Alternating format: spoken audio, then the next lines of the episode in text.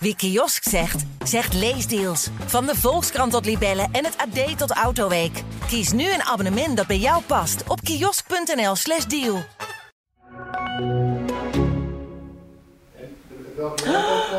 Oh, zie je die al? Die Wat? PS?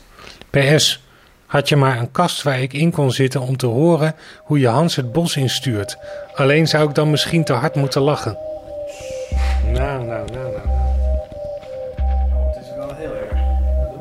Dit, zelfs dit had ik niet verwacht.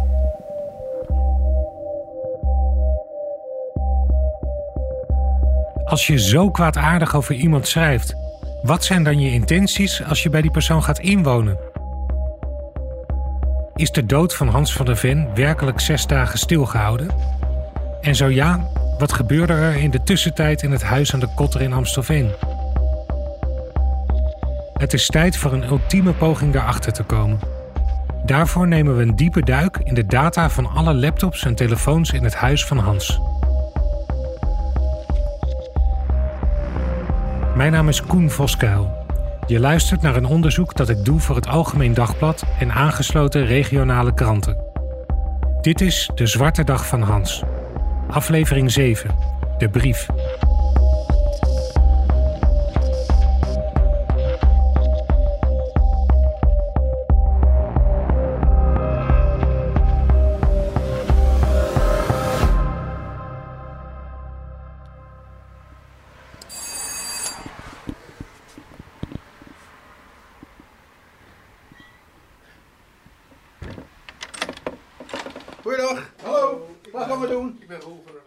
Om een volgende stap te zetten in ons onderzoek raad ik Klaas Langendoen, de oud-rechercheur die het onderzoek voor de nabestaanden leidt, aan om een vriend van mij in te schakelen, Roel van der Valk. Hij is directeur van Red Team Security, legal hacker en een expert in het uitpluizen van computers. We hopen dat hij inzicht kan geven in het computerverkeer van de laatste dagen voordat Hans dood werd gevonden. We hebben afgesproken bij het huis van Cora en Klaas, waar we in de woonkamer twee tassen op tafel zien staan. Twee tassen vol met eh, laptops en een doos met eh, gsm's. Ja, ja.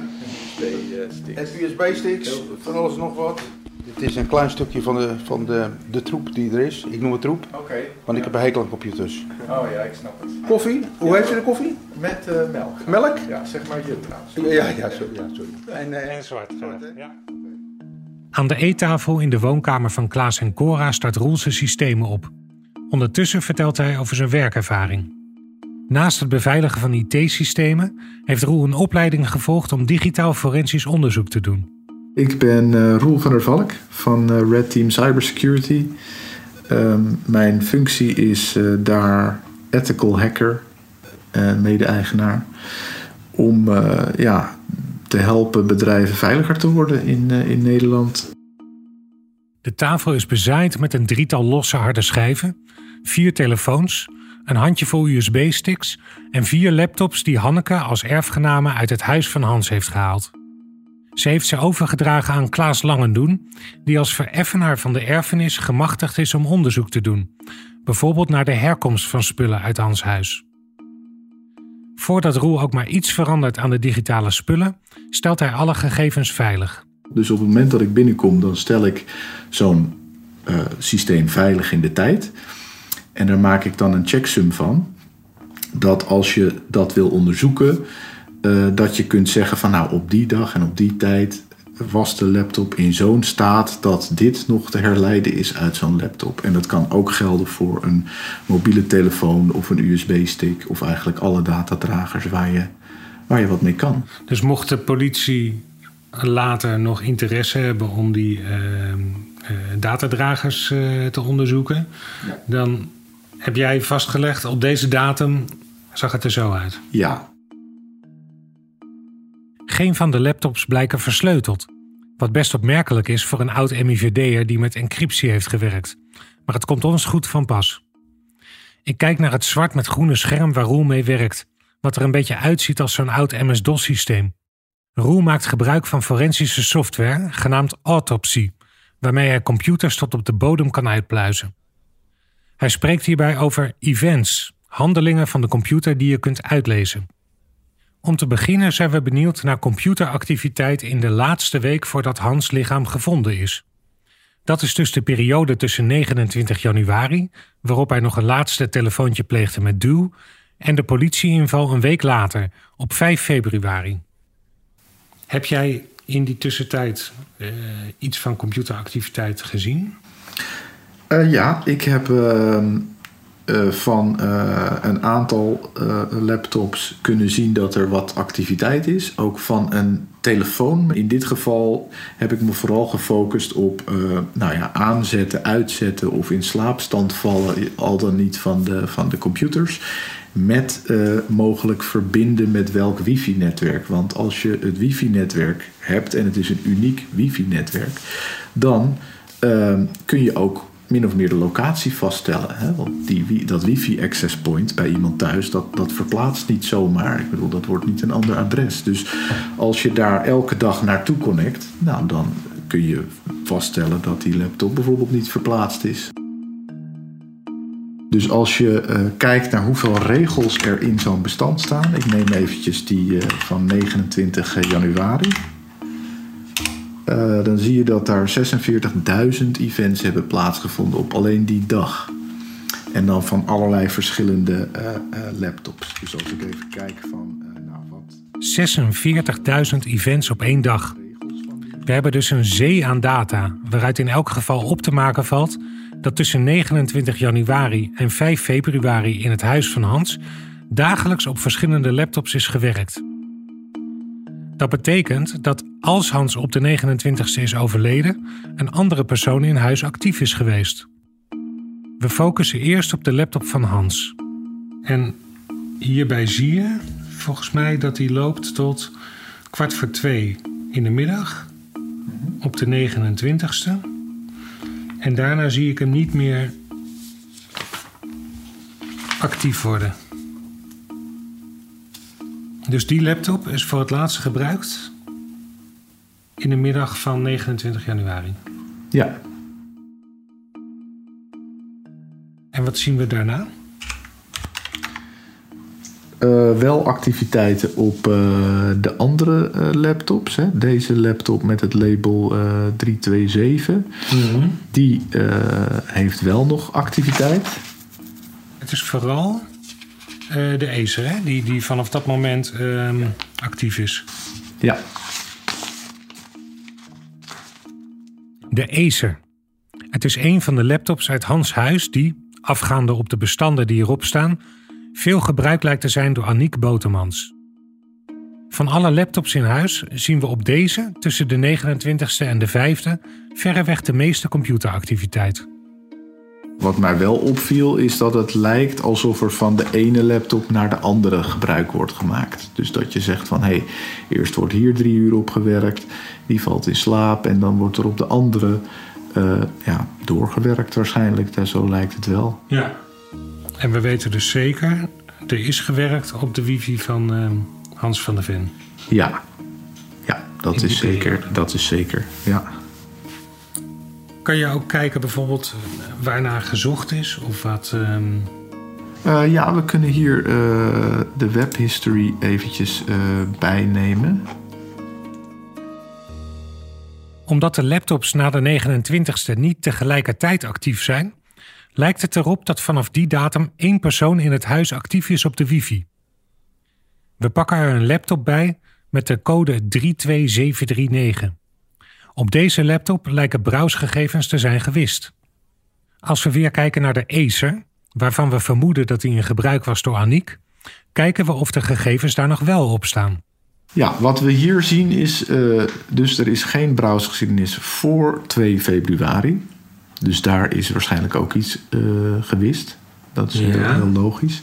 Vanaf 2 februari uh, zie je browsgeschiedenis, nou ja, in ieder geval tot en met uh, uh, 5 februari. Om hoe laat? Om hoe laat? half tien is s ochtends. Ja. ja, dat kan kloppen, want toen viel de politie binnen. Dus ze was aan het zoeken toen de politie binnenkwam. Ze was aan het browsen. Ja. Nou ja, in ieder geval vanaf 2 februari tot 5 februari zien we hier geschiedenis inderdaad. Ik sta versteld wat we allemaal kunnen terughalen. Eh, De groene regels computercode op Roels scherm blijken een inkijkje te geven in het hoofd van iemand over wie we al maanden talloze vragen hebben. Ik vraag Roel wat hij kan terughalen van de laatste avond voordat de politie binnenviel. Eh, ja, hier zie je bijvoorbeeld een term die is ingetoetst, of eigenlijk de titel van een, de titel van een webpagina, die heet dan Rode Rozen verpast. En daar wordt, dat wordt met Google gezocht. Oké. En dat is op 4 februari om half negen Half negen. Oké. En dat zou s'avonds. volgens de lijkschouwer zo'n beetje de periode moeten zijn geweest eh, dat Hans overleed. Die avond. Du hast mich betrogen. Du hast eine junge Geliebte. Wir müssen uns doch fragen, wie es weitergeht.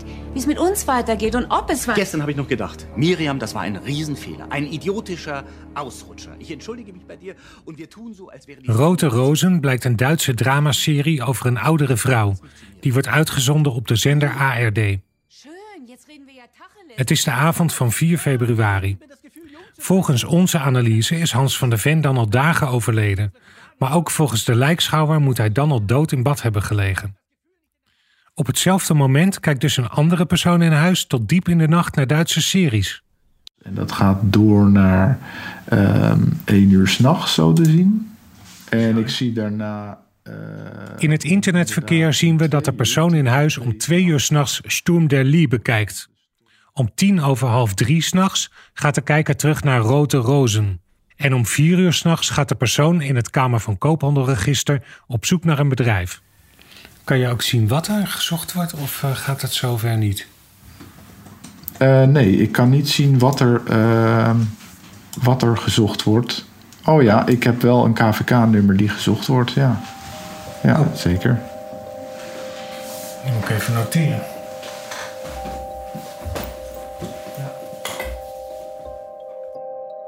KVK-nummer, waar, nogmaals vermoedelijk, Annick Botermans om vier uur s'nachts naar zoekt, blijkt overeen te komen met stichting Bits and Peace. Dat is een van de bedrijven van eh, Hans van der Ven. Ja, maar dat is wel opmerkelijk hoor. Dus dan in de nacht, dan moet er een dood lichaam in huis liggen gaat er iemand, vermoedelijk eh Annick eh, zoeken in de KVK naar de stichting van Hans van der Ven. Het is inmiddels diep in de nacht als er nog meer wordt gemaild. Om half vijf ochtends wordt er opnieuw gezocht in het KVK-register op het bedrijf van Hans van der Ven. Er wordt gezocht op Die Jungen Ärzte, nog een Duitse soapserie. En via de website Rocket Lawyer wordt gezocht naar gratis disclaimer opstellen. Het is dan inmiddels 6 uur ochtends. Dus deze persoon die, ja, die slaapt waarschijnlijk niet. Heeft in ieder geval die nacht niet geslapen, inderdaad. nee. De laptop draait overuren in de nacht van 4 op 5 februari. We zien de gebruiker zoeken naar het hoofd beveiliging van de Rabobank en op LinkedIn zoeken naar het hoofd beveiliging datacenters van de Rabobank. Het computergebruik stopt pas half tien 's ochtends, wanneer de politie de woning aan de Kotter binnenvalt. De enige levende persoon in huis is dan Annick Botermans. Het kan dus bijna niet anders dan dat zij de gebruiker van de Acer-laptop was. Of het nu de 29 januari of de 4 februari is geweest, Hans moet met het nodige rumoer zijn overleden. Hij heeft overgegeven en meermaals de wc gebruikt. Daarnaast is er een bad aangezet. In een kleine woning als die van Hans kunnen dit soort geluiden je niet ontgaan. Daarom is het al een opmerkelijke constatering dat tussen de 29 januari en 5 februari vrijwel constant iemand in de woning is geweest. Dus voor hetzelfde geld uh, zat ze Rode Rozen verpast te kijken. Ging ze helemaal op in de serie. En was Hans bovenaan het doodgaan. Ja, ik vind dat trouwens een, een, geen reëel uh, scenario. Omdat het gewoon zo'n klein huisje was uh, waar je alles hoort. Dit moet toch herrie gemaakt hebben. Maar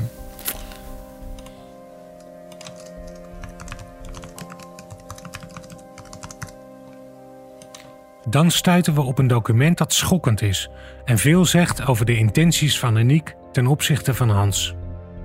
We roepen Cora en Klaas erbij. Met Roel naast me begin ik de brief, gericht aan een vriendin van Aniek, voor te lezen. Lieve Tineke, Hans komt zaterdag naar je toe, hoorde ik. Dit had ik al verwacht, want ik heb Skype uitgezet zodat hij me niet meer ziet. Ik heb ook andere e-mailadressen gemaakt en de wachtwoorden in de oude adressen niet gewijzigd, zodat hij daarin kan blijven kijken en daar ziet er dus ook niks meer in. De e-mails die ik Jonk verstuur gaan nu vanuit een nieuw e-mailadres. Ik dacht, als hij niets meer van mij ziet, dan gaat hij zich melden en zie, hij heeft jou gebeld. Ze hebben nu twee weken gezocht en gekeken zonder... De brief blijkt opgesteld in 2018. In dat jaar wordt Annick Botemans enkele maanden gegijzeld door een curator... vanwege het niet verstrekken van gegevens over haar faillissement. Ik vermoed dat ze in die periode iets van Hans van der Ven nodig heeft. Een Rabobankrekening met kennelijk een bijbehorende code. Gebruik Hans nu. Laat hem alles van mij naar jou toe brengen. Je hoeft niet bang te zijn dat hij daardoor denkt dat je met mij contact hebt... Want je vertelt hem dood eenvoudig dat je een afspraak met Jonk hebt om je eigen dossier naar zijn kantoor toe te brengen. En dat jullie, Jonk en jij, hebben afgesproken dat al mijn spullen, inclusief kleding en alles, bij hem op één plaats worden bewaard. Dit is toch te vreselijk? Ze zit gewoon helemaal. De brief leest als een handleiding, of beter gezegd, een masterclass hoe je iemand moet manipuleren. De ander laten praten, zelf niet te veel zeggen, op het gevoel inspelen. Echt? Wat is dit voor vreselijk? joh? Ja, denk je dat je dit aan kunt? Alleen maar kletsen over de volière, de muizen en de Sousa met de woningbouwvereniging. Als het moeilijk wordt, dan kun je hem na een kop koffie of desnoods twee wel zeggen dat je naar je zieke zwager moet. Hij weet dat je veel met je zwager bezig bent, want dat heb ik hem in Zwolle verteld toen hij naar je vroeg. Draai het maar om, zo subtiel mogelijk. Laat Hans maar praten. Stel hem maar vragen. Hoe het met zijn huis zit, of hij nog krap zit, zijn gezondheid en, enzovoorts. Zodat hij zo min mogelijk kans krijgt om jou te ondervragen. Denk erom, hij is getraind op ondervragingen. Dus doe zo nonchalant als je kunt. Nog één advies. Berg die lange zwarte jurk die nu aan de kapstok hangt even op je slaapkamer op. Want als oud-rechercheur zal Hans wel, hem wel zien hangen. En dan kan het als een teken zien dat ik nog bij jou terug kan komen. Wauw, alle puntjes op die ook. Ja. Ja, ja, helemaal door in de perfectie. eh, Ze is sluw, hè? ja. Maar als ik nu dit lees, denk ik, het is gewoon geslepen persoonlijkheid Ja, of zo. is of gespleten bedoel ik. Is heel vriendelijk. En, Dus, ze- dus ze weten drie jaar terug wisten ze al dat ze uiteindelijk Hans aan de kant ging gooien. Nee, ze- dat ze Hans ging gebruiken. Ja. Ja. Dus ze Ja. heeft vooronderzoek gedaan. Ze denkt, nou, ik moet Hans hebben. Ja. Nou, dit is echt een bewijs dat ze hem alleen maar heeft gebruikt, hè? Het laatste restje twijfels over de kwade intenties van Botemans verdwijnt als we lezen hoe ze de brief afsluit. Oh, zie je die al? Die Wat? PS? PS, had je maar een kast waar ik in kon zitten om te horen hoe je Hans het bos instuurt. Alleen zou ik dan misschien te hard moeten lachen. Nou, nou, nou, nou, nou. Oh, het is wel heel erg. Dit, zelfs dit had ik niet verwacht. De brief is waarschijnlijk vanuit het huis van bewaring opgesteld. Daarna maakt Botemans nog ruim anderhalf jaar gebruik van de gastvrijheid van Hans van der Ven. En het is niet de enige opzienbarende brief die we aantreffen. Op een computer blijken conceptmails te staan. Het zijn een soort afscheidsberichten die ze stuurt aan enkele directe contacten. Ze zijn gedateerd op 2 februari, twee dagen voor de officiële overlijdensdatum van Hans. Maar opmerkelijk genoeg zegt ze in de mails al dat Hans dood is. Zo schrijft ze: Alles heeft plotsklaps, totaal onverwachts, een andere wending genomen. Hans is overleden en zonder hem kan ik niet verder. We weten nu twee dingen zeker. Hans is dagen eerder overleden en in huis bevond zich een vrouw die niets om hem gaf. Het is tijd om een gevoelig punt aan te snijden. Hoewel de politie ervan uitgaat dat Hans een natuurlijke dood is gestorven, bestaat er een mogelijkheid dat zijn dood door een ander is veroorzaakt. Na het lezen van de laatste brieven begin ik dat voor het eerst als een reële optie te zien. Nabestaande Hanneke van Hilten wil al veel langer duidelijkheid. Ik vraag haar of ik een partij mag inschakelen om te onderzoeken of er sprake is van een niet-natuurlijk overlijden.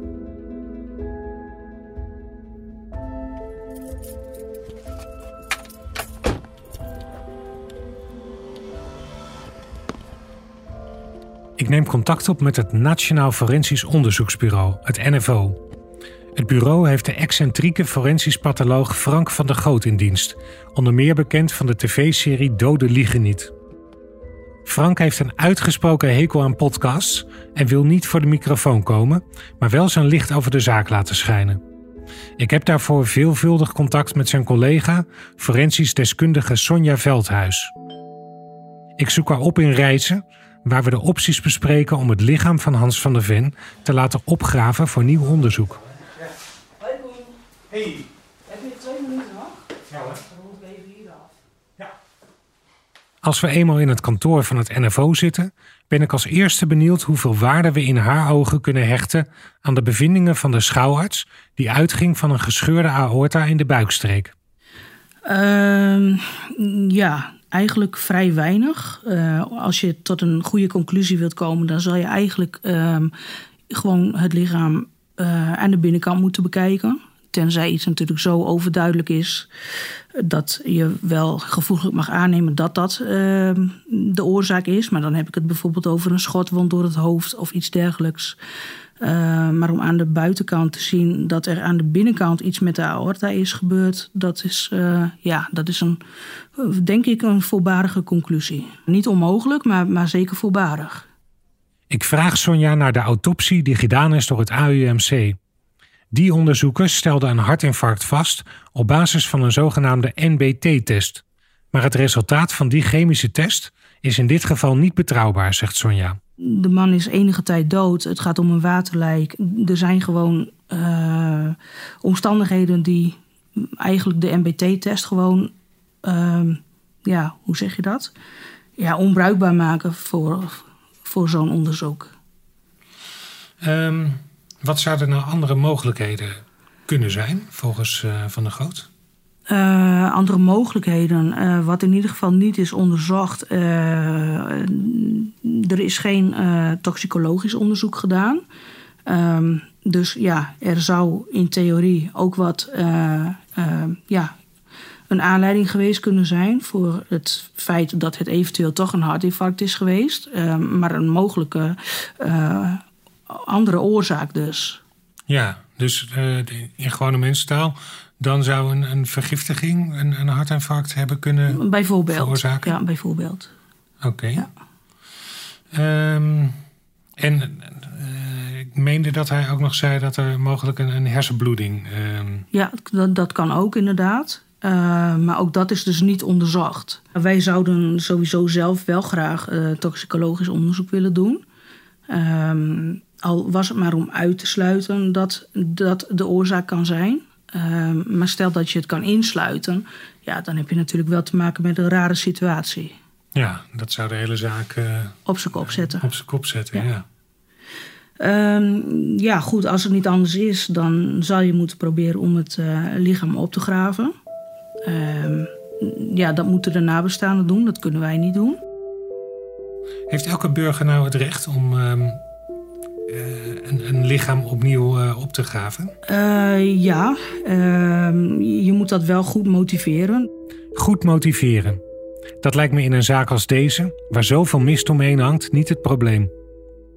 Nu is zijn lichaam op 19 maart 2021 begraven, tien maanden voor we deze podcast opnemen. Ik vraag Sonja of het na al die tijd nog steeds mogelijk is om toxicologisch onderzoek te doen. Uh, Jazeker. Dat heeft, uh, het heeft ook te maken met hoe is het lichaam geconserveerd. Het heeft ermee te maken waar je naar op zoek bent. Uh, ja, natuurlijk is het rottingsproces gaande. maar dat wil niet zeggen dat er niks meer te vinden is. Oké, okay, dus dat kan nog steeds? Dat kan nog steeds, ja. De procedure is dan dat de nabestaanden uh, daar toestemming voor vragen. Nou, die toestemming die kan ofwel worden verleend ofwel worden geweigerd. Het moet een goed gemotiveerde aanvraag zijn. Want ja, wat ik al zei, het kan niet zomaar. Mm -hmm. um, Dat betekent dus dat het, het, lichaam wordt opgegraven. Voor zover ik weet gebeurt dat uh, ongeveer bij uh, zonsopkomst. Uh, maar zeker voordat er leven in de brouwerij is. Het lichaam wordt daarna overgebracht naar een mortuarium.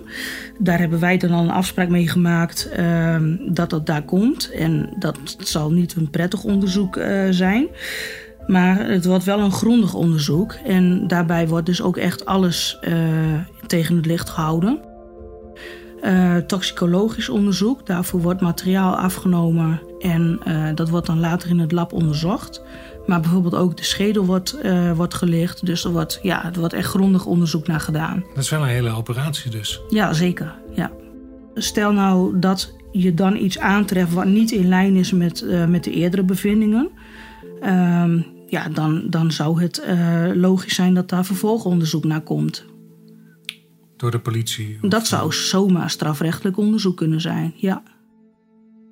Een politieonderzoek. Dat zou zomaar eens het belangrijkste einddoel voor deze podcast kunnen zijn: de zaak heropend krijgen. Zorgen dat het Openbaar Ministerie alsnog onderzoek doet aan het lichaam van Hans. Maar dan is de vraag: wat tref je een jaar na dato aan? Uh, ja, sommige lichamen die zijn heel goed geconserveerd. Dat hangt er ook vanaf uh, hoe ze zijn begraven, waar, op wat voor grond, wat voor kist, et cetera. Maar ik zou u niet aanraden om dat lichaam dan ook te willen zien, zeg maar. De, de, ogen, die, die drogen in. Um, dus ik weet eigenlijk helemaal niet wanneer de ogen weg zijn, maar die drogen in, die worden veel kleiner. En die, ja, die zijn op een gegeven moment zijn die gewoon weg. Dat Klinkt inderdaad wel heel morbide, maar... Ik begreep dat uh, de grond waar hij ligt... Mm -hmm. in ieder geval gunstig is, hè? Ja, en hij is ook nog op het hoogste punt begraven. Dus dat is uh, zeker gunstig. Dus ja, voor het onderzoek uh, zijn het gunstige omstandigheden. Alleen voor nu is het nog afwachten of het onderzoek kan plaatsvinden.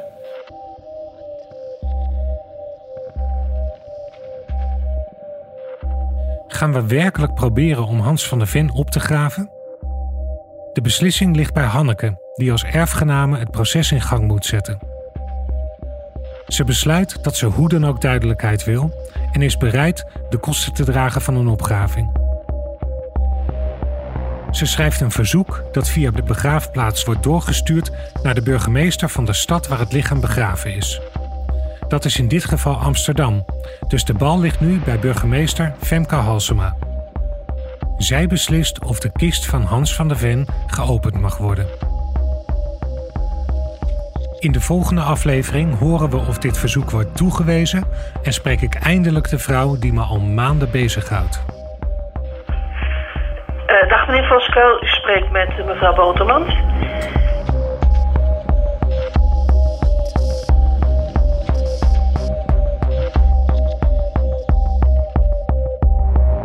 Dit was de zevende aflevering van De Zwarte Dag van Hans. Een podcast voor het Algemeen Dagblad en aangesloten regiokranten. Gepresenteerd door mij, Koen Voskuil, en geproduceerd door David Achter de Molen van het podcastkantoor. Eindredactie werd gedaan door Kevin Goes. Korte disclaimer. Hoewel we ook onderzoek doen naar andere scenario's, gaat justitie er vooralsnog vanuit dat Hans van de Ven een natuurlijke dood is gestorven. Er zijn dan ook geen verdachten in deze zaak. Wederhoor met de belangrijkste betrokkenen volgt later in deze podcastserie. Vind je dit een interessante zaak? Abonneer je dan gratis op de podcast om ook de volgende afleveringen niet te missen. Wil je de volgende aflevering al eerder luisteren? Ga dan naar ad.nl/slash zwartedag of de site van jouw regionale krant slash zwartedag.